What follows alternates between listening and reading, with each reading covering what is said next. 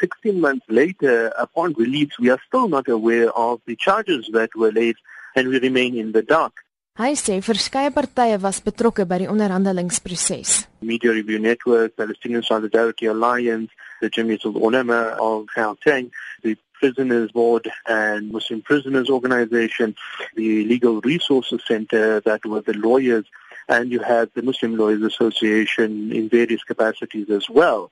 So there were numerous organizations and these are just to name a few.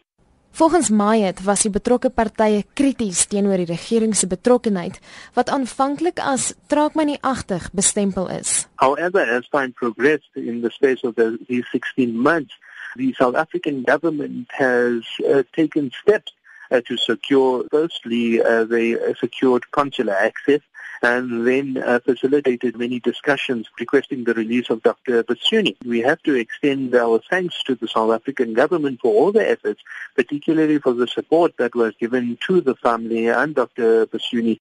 In die eerste dae van sy hegtenisname het Basuni na bewering ernstige rugbeserings opgedoen.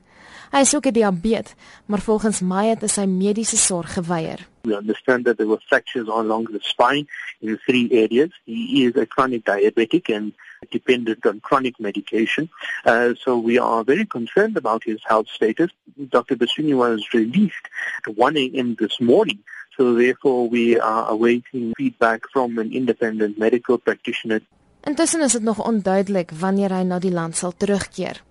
Die departement van internasionale betrekkinge en samewerking se woordvoerder, Nelson Kwete, het egter getweet dat die regering nog nie amptelik van Basuni se vrylating ingelig is nie.